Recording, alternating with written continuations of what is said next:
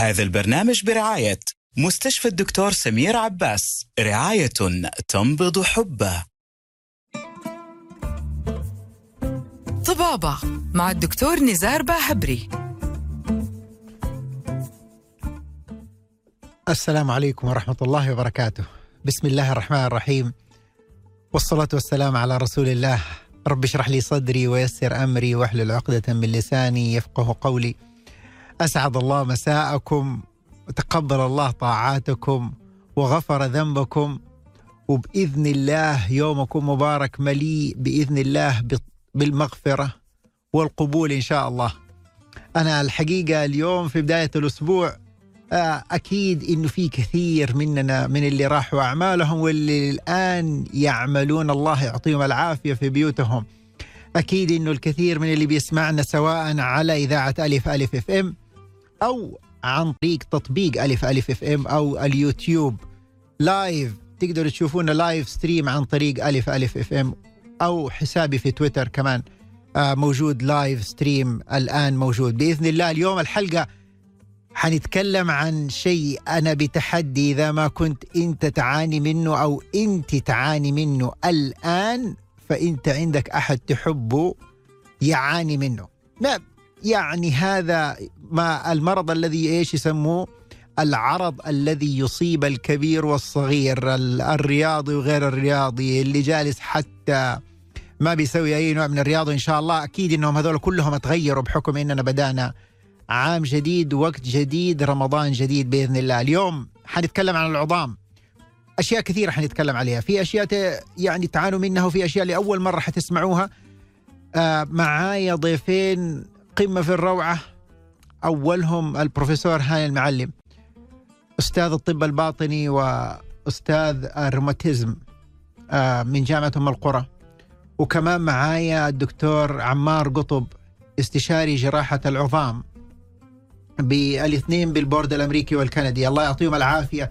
اليوم حيتحفونا بإذن الله بمعلومات حابدأ لكم بأول واحد السؤال اللي دائما الناس كثير منهم ما يعرفوا الآن لو أنت أو انت يوجعك مفصل ركبتك يدك كتفك هو أنت تروح لدكتور مفاصل يعني روماتيزم زي الدكتور هاني ولا تروح لدكتور عظام زي الدكتور عمار؟ بالله هذا اليوم سيكون عندنا إيضاح كامل. أنا أبغاك أنت تجاوب جوا نفسك علشان الآن حنعرفك الإجابة. يا بروف إيش الوضع؟ بسم الله الرحمن الرحيم الحمد لله والصلاة والسلام على رسول الله. أهلا وسهلا بك دكتور نزار وبزميلي الدكتور عمار وبالأخوة المستمعين. آم آم تعليقا على سأجيبك على السؤال. أيوه هذا أهم سؤال. طيب لكن بس على تعليقا على المقدمة الجميلة اللي بدأت فيها إنه بالفعل الأعراض الروماتيزميه منتشرة جدا.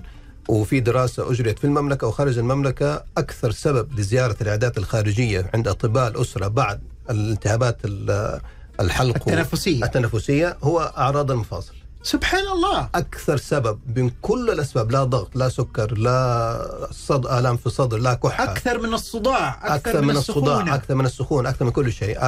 طبعا السخونة تدخل في تدخل من ضمن الأعراض التنفسية التنفسية زي الإنفلونزا. زي الإنفلونزا. لكن السبب الثاني هو آلام المفاصل ذو تحديدا آلام الظهر وخلافه. طيب هذا كمعلومة أولية. طيب. ال ال إذا المريض أو الأخ أو الأخت المستمعة عندهم ألم في مفصل أي كان المفصل لا يروح لطب جراحة العظام المفاصل ولا يروح للأمراض الروماتيزميه يروح لمين؟ يروح للطبيب الأسرة أو طبيب الباطني. طيب أنا أنا الآن أبغى أفرق. ما ما أبغى أروح لطبيب الأسرة أبغى أروح ل... مع إنه طبيب الأسرة مرة ممتاز بس أنا اللي بجنبي إما باطني إما عظام. أنا دائما أحس إنها عظام. آه طيب آه خلينا نحط تعريف والدكتور عمار معنا يعني يصادق على هذا التعريف أو على هذا آه على هذا التوضيح.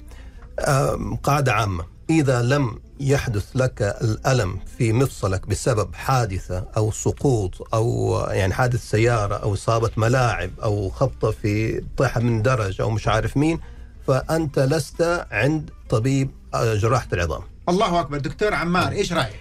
والله كلام كلام جميل أزيد عليها. أول حاجة أحب نحيي الأخوة والأخوات المستمعين وأشكرك على الإضافة اللطيفة في وجود آه، البروف.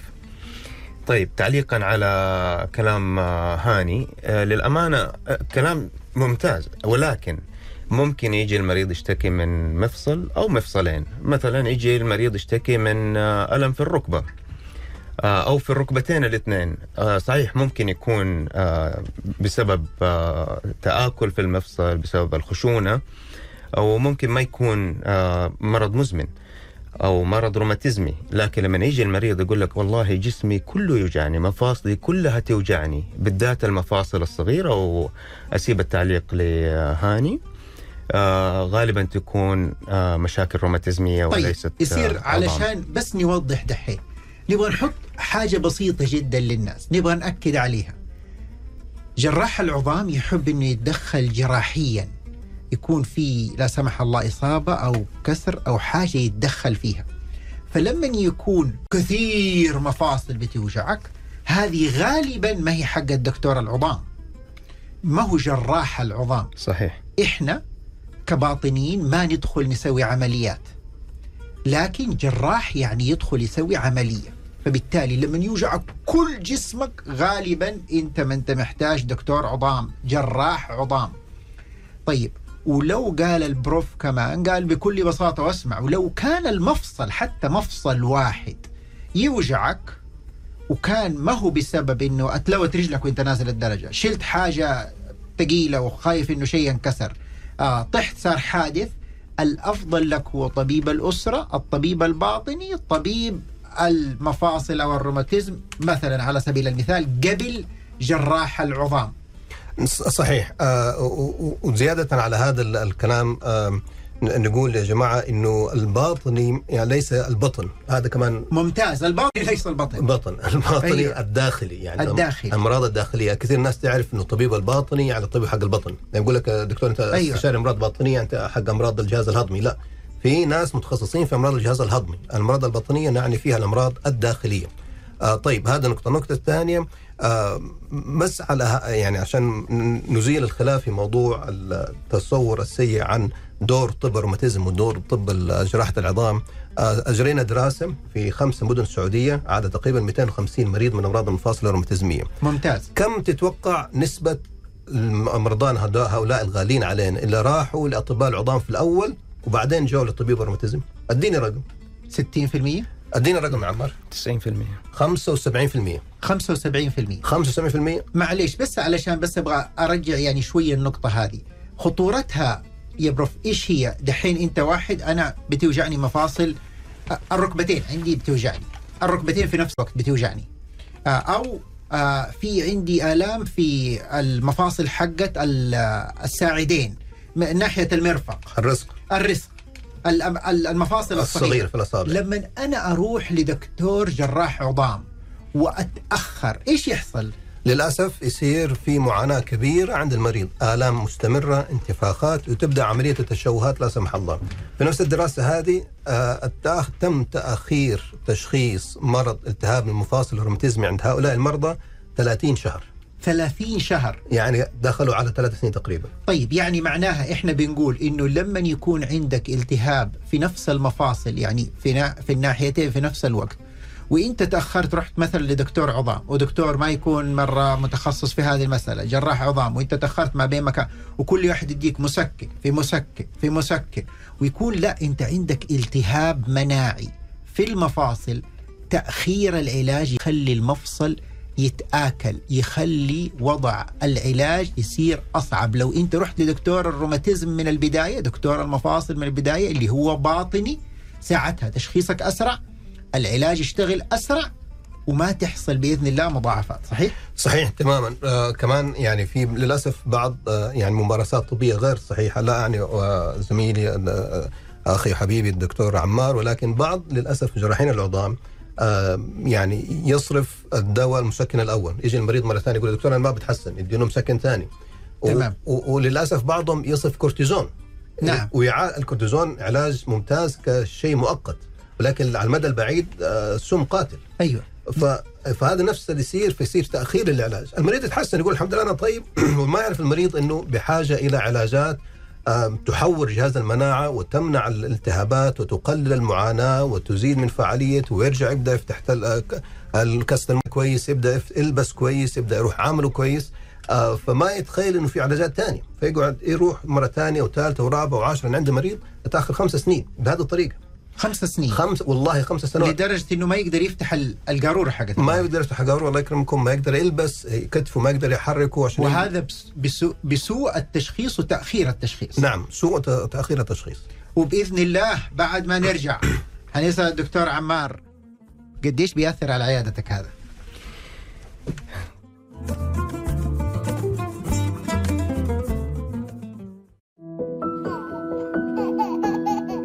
لأنهم ألوان الحياة. نقدم لكم من قسم أطفال الأنابيب بمستشفى الدكتور سمير عباس أحدث العلاجات المبتكرة للعقم على يد أمهر الأطباء العالميين بجدة والذين أسهموا في تحقيق حلم آلاف المستفيدين بتكوين أسرة تنبض بالحياة. مستشفى الدكتور سمير عباس بيت الخبرات الطبية الأنيق رعاية تنبض حبه. مستشفى الدكتور سمير عباس رعاية تنبض حبه. للاستفسار 900 12525 طبابة مع الدكتور نزار باهبري.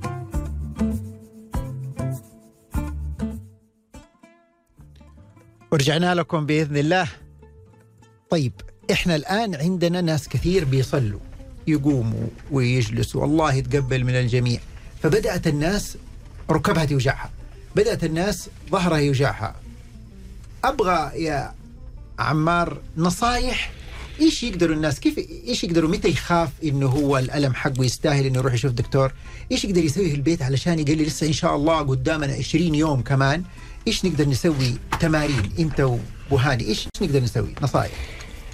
آه، في مؤخرا يعني الناس شايفهم بعد أول أسبوع من رمضان بدأوا يزيدوا عددهم في العيادة يشتكوا. والله دكتور آه، ركبي آه، زادت علي. أنا أعرف أنه عندي خشونة من أول بس يعني الأسبوع هذا بدأت آه، تزيد علي الآلام. صحيح الوقفة الطويلة يمكن مع التراويح واللي بيصلي لا يزال ما هو على كرسي بيصلي وبيجلس مع الجلسة بين السجدتين. بتآلموا ركبه, ركبه فيعني هي معليش بس أبغى أعرف هي أية أكثر اللي تألم الجلسة اللي بين السجدتين وتكرارها ولا الوقوف الطويل؟ ولا هم الاثنين لا بعض؟ الجلسة اللي بين السجدتين هي اللي أكثر حاجة تألمهم. تلاقيهم أوقات آه، يجلس نص جلسة في المساجد. أيوه. آه، لأنه طبيعة الركبة إذا انتنت لآخر درجة أكثر آه، ال- وضعية تألم في, ال- في تألم. وجود ال- ال- الخشونة يعني. ولو أنا أبغى أريح رجولي من الخشونة. هل قصدك إني أفضل واقف بس وقت الجلسة بين السجدتين أو التشهد يكون أنا على كرسي؟ يعني هذا يقلل علي لأنه لسه وراي 20 يوم كمان. تمام. نصيحتي للناس ولمرضايا سوي اللي تقدر عليه. لا تضغط على نفسك. حسيت إنه عندك ألم لا تضغط على نفسك وتقول لا أنا أقدر وأستحمل خليني أضغط على نفسي. حيلاحظ نفسه ثاني يوم ركبته انتفخت ولا ما عاد قدر يوقف آه، يصلي. سوي اللي تقدر عليه. لقيت إنه الفرض تقدر تصليه وأنت واقف صليه وأنت واقف. جاء وقت التراويح أو وقت النافلة صليها على كرسي. ممتاز. تبغى تسجد انزل. إذا عندك المقدرة إنك تسجد اسجد وارجع على أجلس على الكرسي. أيوه. بالضبط. أسجد وأرجع على الكرسي. صحيح. ممتاز. صحيح. هذا في أوقات الصلاة. في شيء ثاني ينصح فيه جدا اللي هو تقوية العضلات. آه تقوية العضلات. نعم. هذا شيء مرة مهم. جدا مرة مثلا مهم في الخشونة. صحيح. انه يكون الواحد مثلا جالسين بعد الفطور بيتفرج على التلفزيون مثلا أو كذا يا ريت يقعد يحرك عضلاته يرفع رجوله وهو جالس على هذا يرفع ال ال- يعني القدم آه، بحيث بحيث الركبة تتمدد. أيوه. ويخليها كده يعود لين 10 وينزلها. آه يعني دحين علشان علشان نقول إنه الخشونة حقت ال... يعني أحيانا الخشونة حقت المفاصل حقت بالذات الركبتين اللي بتوجعك وقت الصلاة أنت علشان تمرن يبغالك تقلل تقوي عضلة الفخذ صح؟ صحيح، أنت قصدك صحيح. تق- تقوي عضلة الفخذ. فأنت بتقول طول ما أنت جالس تتفرج على التلفزيون أفرد رجلك كامل أفردها. أفردها ساعة كاملة ورجع- نزلها. ورجعها. وبعدين أفردها ورجعها. ولو تقدر أفرد- تفردها تعود لين 10 أيوه. وترجع تنزل. بس تكون مرفوعه من على الأرض. مرفوع من الأرض طبعا ومستقيم الرجول. مدد رجول آه، يعني خلي أيوه. الركبة تتمدد. وتعد واحد اثنين ثلاثة أربعة خمسة وترجع تثنيها ترجع ترجع, تفردها. مرة ثانية. ويا ريت لو أحد عنده قدرة بشوف ظاهرة جدا صحية ورائعة اللي حكايه المشي كده بعد الصلاة يعني بعد صلاة العصر مثلا آه أو هذا يفيدهم. طبعا لأنه التمارين اللي تكون على المفصل آه، آه، هم صحيح أنا أعرف بعض آه، دكتور عمار وزملاء بينصحوا بعدم استخدام الركبة بهذه الطريقة لكن آه، الخشونة درجات نعم. نعم. إذا كانت الخشونة جدا متقدمة وقد يكون هذا المشي مؤلم فهذا ما ينصح بأنه يمشي على رجوله تمام لكن آه، إذا كانت الخشونة الدرجة الثانية أو الثالثة آه، فممكن المشي أو أي المشي بالذات هذه رياضة رائعة رائعة رائعة ويا ريت لو نمشي أقل نص ساعة في كل يوم أو يومين آه، فهذا الشيء يكون مرة ممتاز يقوي العضلات يقوي العضلات يقلل الألم اللي حق الركبة صحيح. علشان هو كل المشكلة اللي إحنا بنشتغل عليها إننا نقوي ركبة آه، عضلة الفخذ صحيح. هذه هذه نقطة مرة مهمة صراحة، كثير من المرضى يجوا عندهم آه، ال- مفهوم خاطئ إنه والله أنا عندي خشونة و وقالوا لي إنه لا تمشي كثير عشان آه، لا تزيد الخشونة. هي بالعكس، آه. انت عندك خشونة صحيح لكن من أساس علاج الخشونة تقوية العضلات ونزول الوزن، تقوية العضلات زي ما تفضل آه، هاني إنك تمد رجلك وأنت جالس في البيت أبسط البسيط اللي هي المشي. ممتاز تمام إنت يقوي إذا ما يقوي مشيت العضلة حقتها إذا إذا ما مشيت تضعف العضلة تزيد الخشونة ويزيد آه. وزنك ويزيد الألم فلا المشي ونزول الوزن من أهم علاج للخشونة وأكثر عاملين يحافظوا على المفصل. إذا أنت ما تبى تسوي جراحة تبى المفضل المفصل يستمر معاك لفترة أطول ونبعد العملية نزل وزنك. وقوي عضلاتك. طيب يا حبيبي ولا ولا الاملاح الاملاح اللي يبغى لها ناخذ لها ال uric acid هذه. الاملاح كل البلد عندها املاح هو أملاح. مو في دكاترة كثير يحبوا يوصفوا دول الاملاح يعني أنا يمكن أكثر شيء بالله يا دكتور أبغاك تشيك لي الاملاح إيش إيش الوهم. وضع الاملاح هذا؟ الوهم الكبير يعتمد يا نزار أنت. تتكلم على الاملاح على الاملاح اللي إحنا نعرفها في الطب ولا املاح اللي يجيني المريض يقول لي. والله بطلت آكل الأكل لا بدون لا لا لا هو يقول لك يقولوا عندي املاح ال uric acid أصلا وجعانه رجلي وركبي شيك لي بالله لا يكون ال uric acid عالي. هذا لا, لا يكون زيادة أملاح. صحيح. فأول حاجة الناس لازم تعرف إنه الأملاح اللي نقصدها هي ال uric acid وليس ملح الطعام. طيب وبعدين ال uric acid هذا؟ ما له أي علاقة في خشونة الركبة. هذه صادمة صادمة صادمة لكل واحد يسمعنا. طلع اليوريك أسيد لا علاقة له بخشونة الركبة. يعني إذا نتكلم على خشونة الركبة إحنا بنتكلم على آه تآكل للغضاريف. وهذه حاجة بتزيد مع السن تزيد مع الوزن الزايد وضعف العضلات وعامل وراثي. ولكن لما تقول لي أنا عندي أملاح آه بتصيب مفصل أو مفصلين مرة كل ستة شهور. أو هذه ما ما تنتج عنها خشونة إلا بعد زمن طويل جدا. فال uric acid لداء النقرس أنا تصدقوا أحلى شيء نفسي نفسي إني أصور الناس اللي في. ما هم شايفينه اللي في الاستوديو هاني المعلم نفسه يدخل في الراديو من كثرة في المايك من كثرة هذا الموضوع ما يوتر أديك- الأعصاب إحنا نشوفه في العيادة. أديك معلومة صادمة ثانية. أيوة. وللاخوه والأخوات المستمعين والمستمعات. آه، قاعدة عامة كده إحنا نحب يعني نحط قواعد والناس تمشي عليها. إذا لم آه، صباع رزق الكبير الصباع القدم الكبير إذا لم يتضخم وينتفخ ويحمر ويصيبك بألم شديد يعتبر من أشد الآلام بعد ألم الولادة وألم آه، حصوة الكلى ألم شديد شديد شديد جدا فأنت ليس عندك مرض النقرس. full stop وبالتالي إذا ما عندك النقرس أنت ما عندك زيادة أملاح تحتاج علاج. وحتى لو كان في زيادة أملاح لأنه كثير ناس يسوي يا دكتور في أحد من للأسف من ال- الأخطاء. لا الطبية معليش معليش أنا بس أبغى أراجع مرة ثانية. عيدها مرة ثانية فيصير النقرس هو؟ النقرس انتفاخ في الصباع رجل الكبير. نعم. مع ألم شديد. نعم. مع إحمرار. نعم. وأحيانا ترتفع درجة حرارة الجسم. هذا اللي يكون له علاقة باليوريك أسيد أو الأملاح. هذا مرض النقرس. هذا النقرس. أما غير أما كذا خشونة العظام ما لها علاقة لا ما لها علاقة. بالأملاح وبالتالي ما يبغى لك تاخذ دواء الأملاح. حتى الدواء حق اليوريك أسيد هذا لما تلاقيه عالي وما يكون عندك نقرس ما يحتاج علاج صح؟ أبداً. في عندكم أرقام معينة. طبعا. واضيف معلومة صادمة ومخيفة. والله يا جماعة الله يرضى عليكم. ابائنا أمهاتنا الافاضل اللي بياخذوا دواء اسمه الوبيورينول العلمي اسمه التجاري نوريوريك تمام؟ نوريوريك هذا أكثر دواء في العالم يقتل الناس. يقتل. يقتل الناس حسب إحصاءات في عدة مراكز دولية. يصيب اعراضه الجانبية تؤدي إلى زيادة انزيمات الكبد وزيادة آه، وفشل في الكلى وزيادة انزيمات ال- آه، العضلات وينهي حياة الناس ويسبب حرق في الجلد حرق لدرجة ثالثة تخيلوا فالدواء مو سهل الدواء ممتاز ومهم للناس اللي عندهم نقرس اللي عندهم حصوة في الكلى بسبب ال- النقرس اللي عنده تعدد هجمات النقرس هذا نديله الدواء ال- allopurinol لكن أو أو دواء بس. إنه ينقال أملاح انت بهذا الدواء بتعرض حياتك للخطر. طبعا. وأتمنى أي أحد الان الان الآن بياخذ النوريوريك وما عنده نقرس فقط عشان الأملاح زاد في الجسم إنه يوقف هذا الدواء الآن على الآن مسؤوليتي فيصير الآن حنخرج لفاصل وحنرجع نكمل.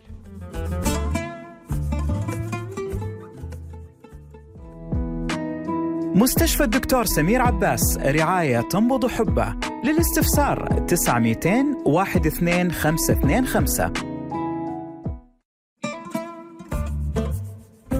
طبابة مع الدكتور نزار باهبري. دحين حارجع لكم مع ألم. أتحدى كثير منكم إما هو مصاب أو يعرف أحد ثاني مصاب. شوف إحنا الحين خلصنا واحدة حقت الآلام حقت الركب والمفاصل والخشونة وبينا الفرق. بس أبغى أقول لكم عمرك كذا صحيت الصباح أول ما تدعس على رجلك تلاقي ألم في كعب الرجل ما أنت قادر تدعس عليها كأنه تقول شوكة في, في الأخير ومع المشي الكثير توجعك بطانة رجلك ما أنت قادر تمشي عليها عمار إيش هذه؟ تقريبا 40% أو أكثر من 40% من مرضايا في في العيادة يجوا يشتكوا من نفس الألم هذا. التهاب 40. التهاب بطانة القدم. بطانة القدم بطانة القدم صحيح. بعضهم للأسف يجي يكون شاف أحد تاني يجي بياخذ علاج للنقرس. أو وهو- يكون راح لاحد سامع؟ إيه. سامع يكون راح لأحد يقول له هذه أملاح. أملاح أيوه. وهي ما لها أي علاقة بالأملاح يا- نهائيا. كعب الرجل الألم حقه ما له دخل بالأملاح. طيب إيش أسبابها؟ ناس كثير تعاني منها أيوه ولازم ينتبهوا له ويعالجوها بدري عشان لا تصير مزمنة ويصير التخلص منها صعب. أول ما تبدأ تحس بالآلام هذه أرجوك يا إنك تروح لدكتور روماتيزم أو الدكتور لطبيب عظام يفحص ويشوف إيش الأسباب الممكنة اللي سببت لك هي. اديني الوزن؟ الزايد واحد بالله كل ما. تقول الوزن ترى بتشيل نص. البشر ما عاد حيقفل. الراديو ده. حيقفلوا الراديو لا لا لا طيب. الوزن. الزايد الوزن الزايد. واحد اثنين طبعا بيوتنا آه، هذه الأيام يا إما سيراميك يا إما رخام آه، يا إما باركيه الناس بتمشي على. الأرض أيوه الأرض القاسية أيوة. وقفة طويلة على أرض قاسية من غير آه، شيء يساعد يعني يعني يعني أنا القدم. الحين أبغى أسألك يعني هو الله يكرم المداس سواء المشي حافي هذا ما هو كويس للرجل؟ ابدا. ابدا؟ ابدا.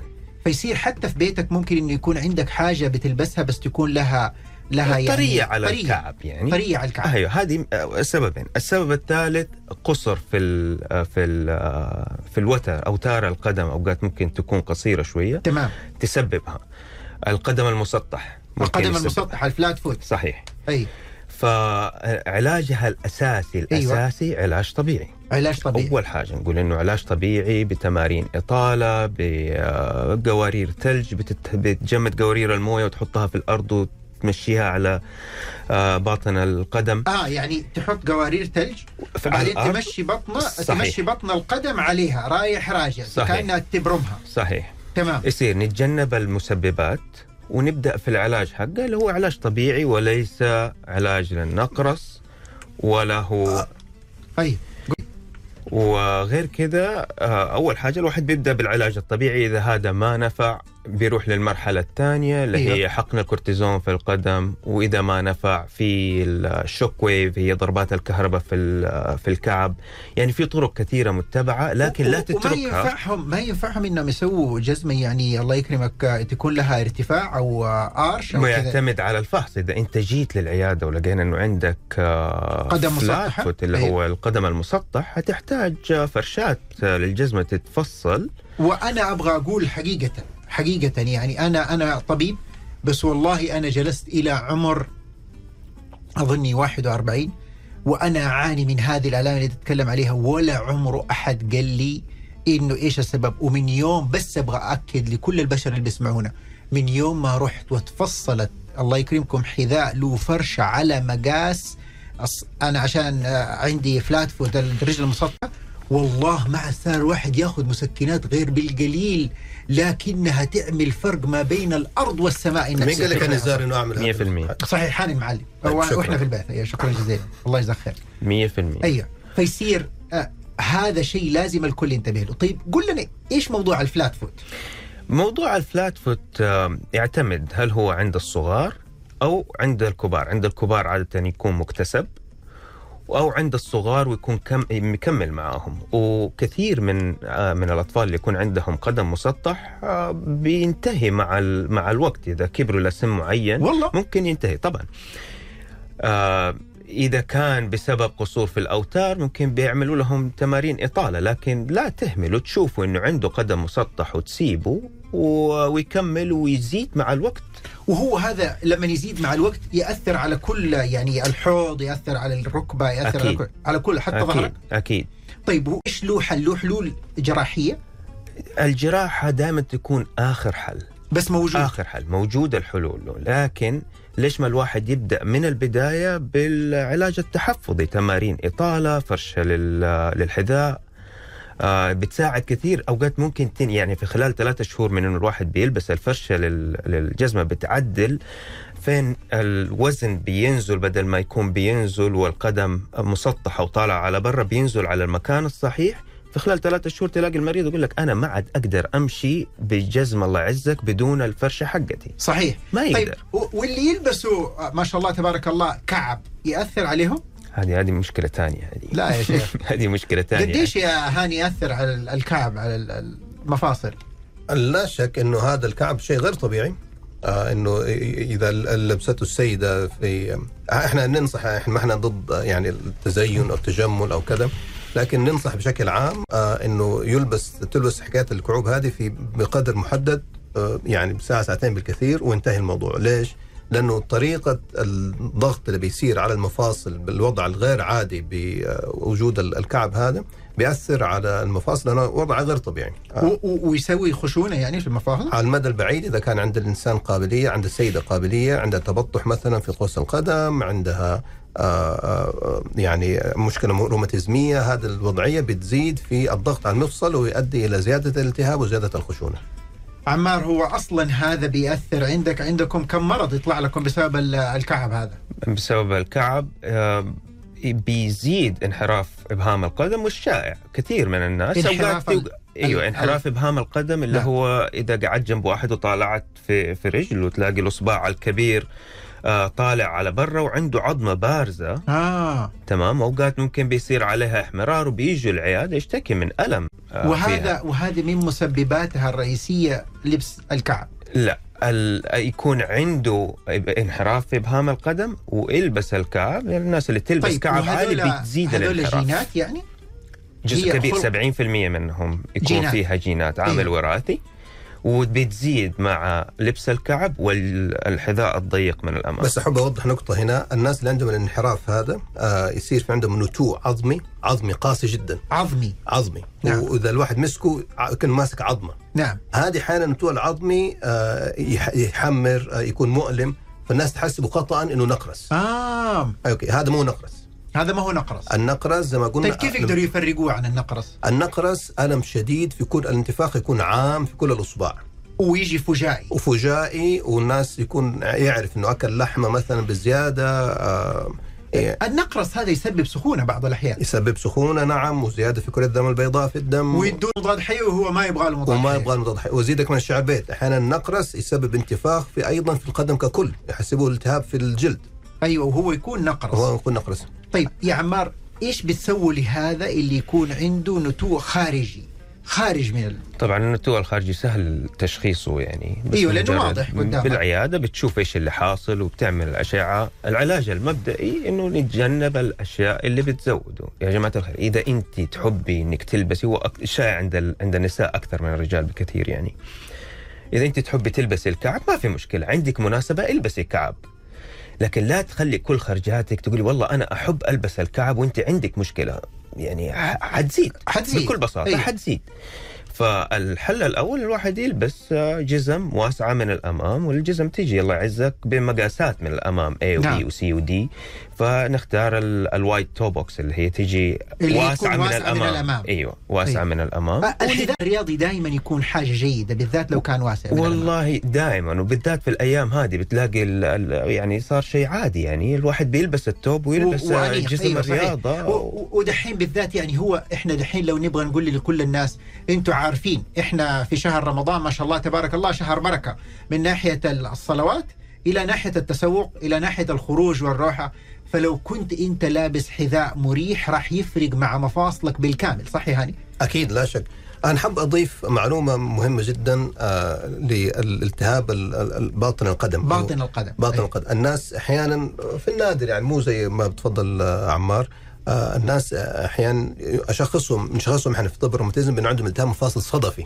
آه. اللي عنده صدفية وعنده التهاب في باطن القدم من تحت فهذا قد يكون أحد أعراض التهاب المفاصل الصدفي. هذا مرض. اللي يكون عندهم صدفية. وأحيانا نكتشف إنه الإنسان عنده صدفية يجينا بالعرض البدائي اللي هو هذا. بداية المرض التهاب المفاصل الصدفي يكون التهاب في آه، باطن القدم.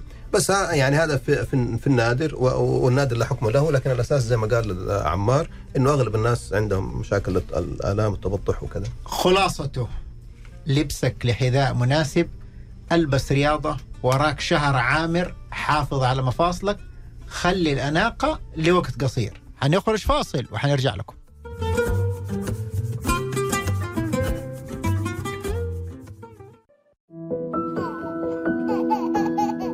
لأنهم ألوان الحياة.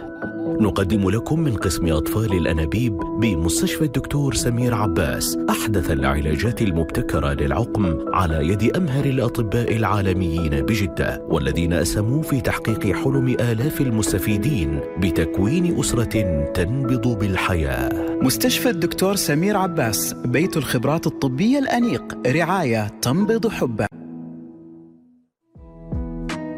مستشفى الدكتور سمير عباس رعاية تنبض حبه. للاستفسار 9200 12525 طبابة مع الدكتور نزار باهبري. ورجعنا لكم علشان نقدم خلاص دحين آخر الروشتة بالنسبة الله يكرمكم للحذاء. في ناس كثير عمار قلت لي تحت الفاصل. قلت لي في ناس كثير مرة يفرحوا بالحذاء اللي هو إيش؟ زي اللبانه أيوه يقول لك يا سلام زي زي اللبان. اللبان أيوه الحذاء تمسكه في يدك يعني بيد واحدة أنا ممكن أجيب الحذاء كله يعني كده أقدر أقفل عليه فيقوم. يفرح إنه أيوة. لين مرة أيوه. خفيف مرة ها. ويعني يفرح لما يشتري الحذاء وما هو عارف إنه هو بيشتري مشكلة مشكلة مشكلة أيوه أيوه فلا الحذاء ال- اللي تقدر تلفه تماما في يدك وجدا مرن ما هو صحي غير جيد للرجل. ما هو صحي لو تلاحظ إنه الحذاء الطبي اوقات شكله زي الخشبي يجي. أيوه تمام؟ فلا نبغى حذاء ما ينتني معاك كثير لكن في نفس الوقت لما تدعس فيه بيكون طري. طري. يعني أيوة. إيوه بطانته طرية لكن ما ينتني بسهولة. بتلاقي تصميم الحذاء نفسه بيكون مرفوع من الأمام بيساعد في في المشيه بانسيابيته في المشيه بدل ما يكون الضغط على القدم يكون الضغط في شكل الحذاء نفسه. أيوه يعني إحنا دحين كل اللي بيسمعونا فاهمين إحنا قصدنا على أي شركة بالذات. ولا شركات اللي هي زي اللبان أنا ما قلت شيء. هي بس يعني زي اللبان هذه طلعت ما هي قد كذا. شكلها حلو بس ما هي قد كذا. يصير الكعب أناقة ممكن الثانية أناقة لكنك ما هو اللي أنت تقدر تمشي عليها لفترة طويلة عشان إذا تبى تحافظ على رجلك. دكتور هاني في شيء جدا مهم نبغى نضربه في نهاية يعني من ضمن الأشياء التعريفية. ناس كثير يقولوا من يوم ما يكون عندك روماتيزم هو مو روماتيزم هو خشونة في المفاصل. الروماتيزم ولا الروماتويد هذه أمراض مناعية. الناس يخافوا منها عشان علاجاتها كورتيزون. هي بس علاجاتها كورتيزون؟ ابدا ابدا ابدا. ال- الطب الروماتيزم تطور جدا في ال- في الحقبة الأخيرة. بل آه، في الحقبة اللي قبل ال 2010 كان أكثر طب متقدم على كل أنواع فروع الطب المختلفة.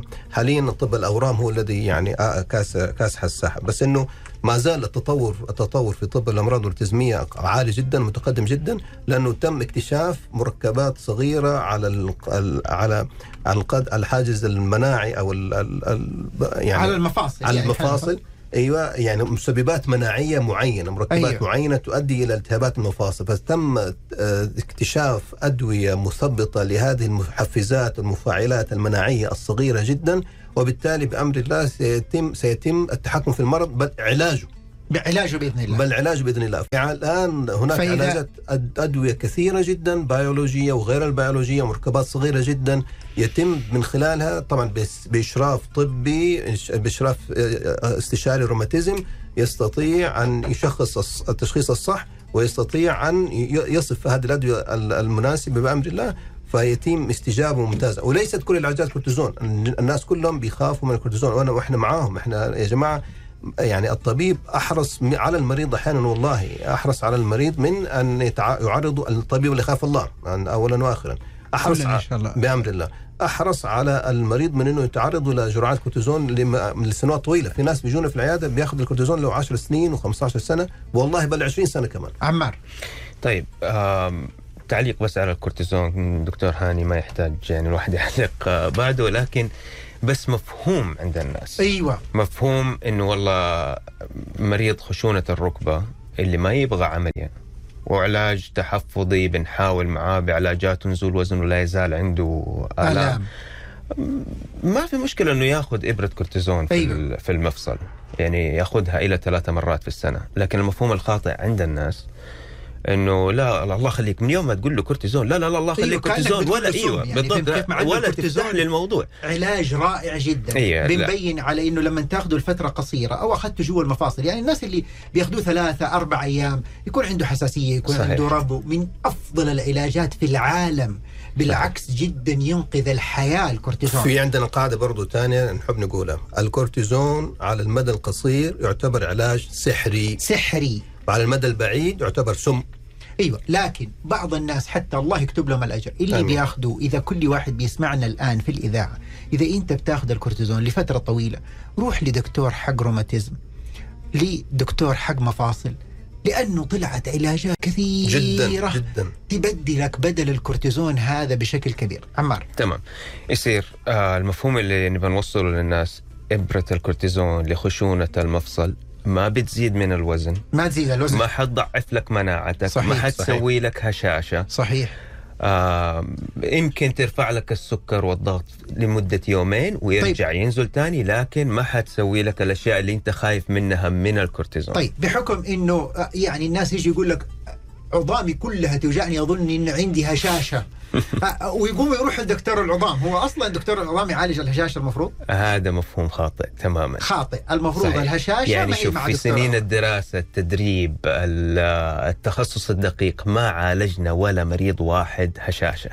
هشاشة ما هي حق ما هي جراح حق العظام. جراح العظام. إحنا جراحين. إحنا يجينا المريض بكسر.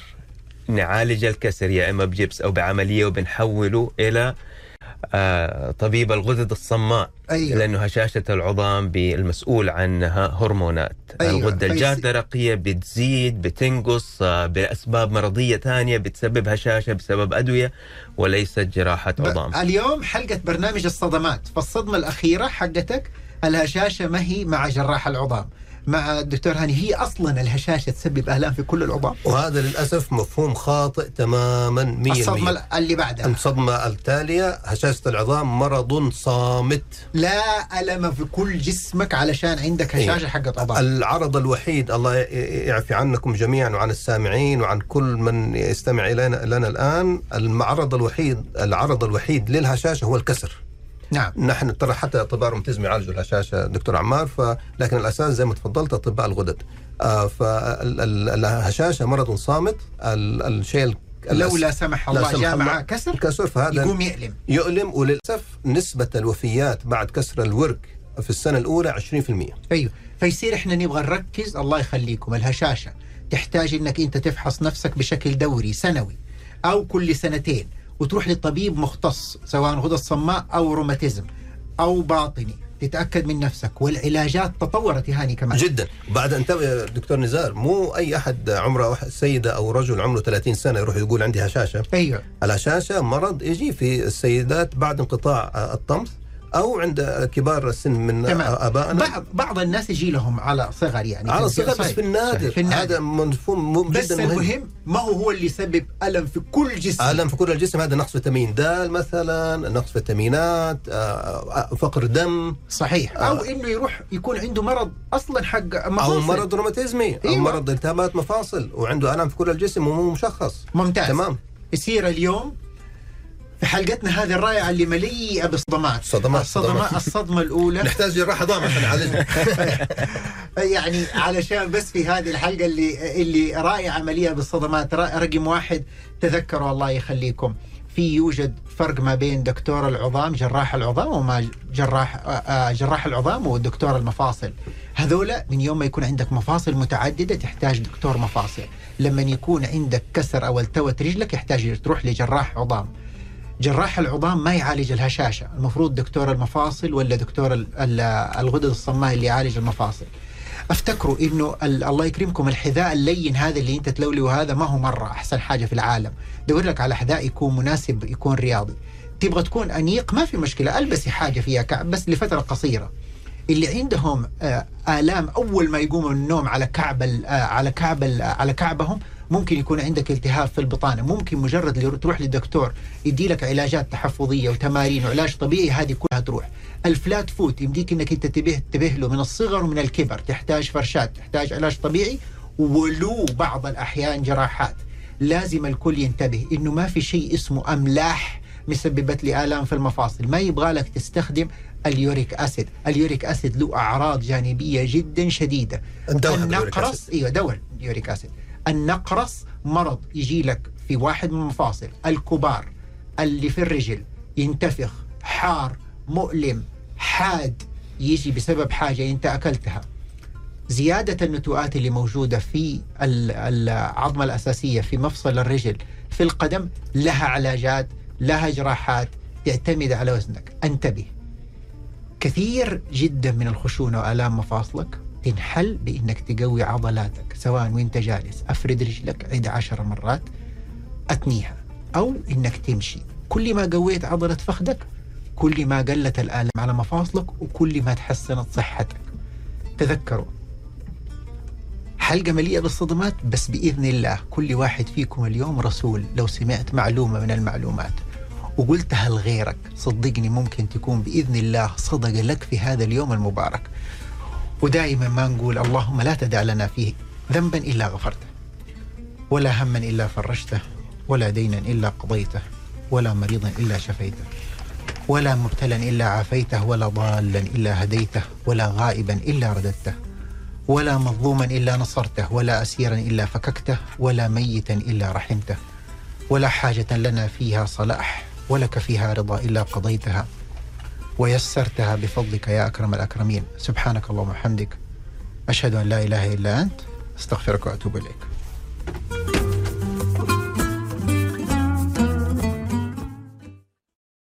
هذا البرنامج برعاية مستشفى الدكتور سمير عباس. رعاية تنبض حبه.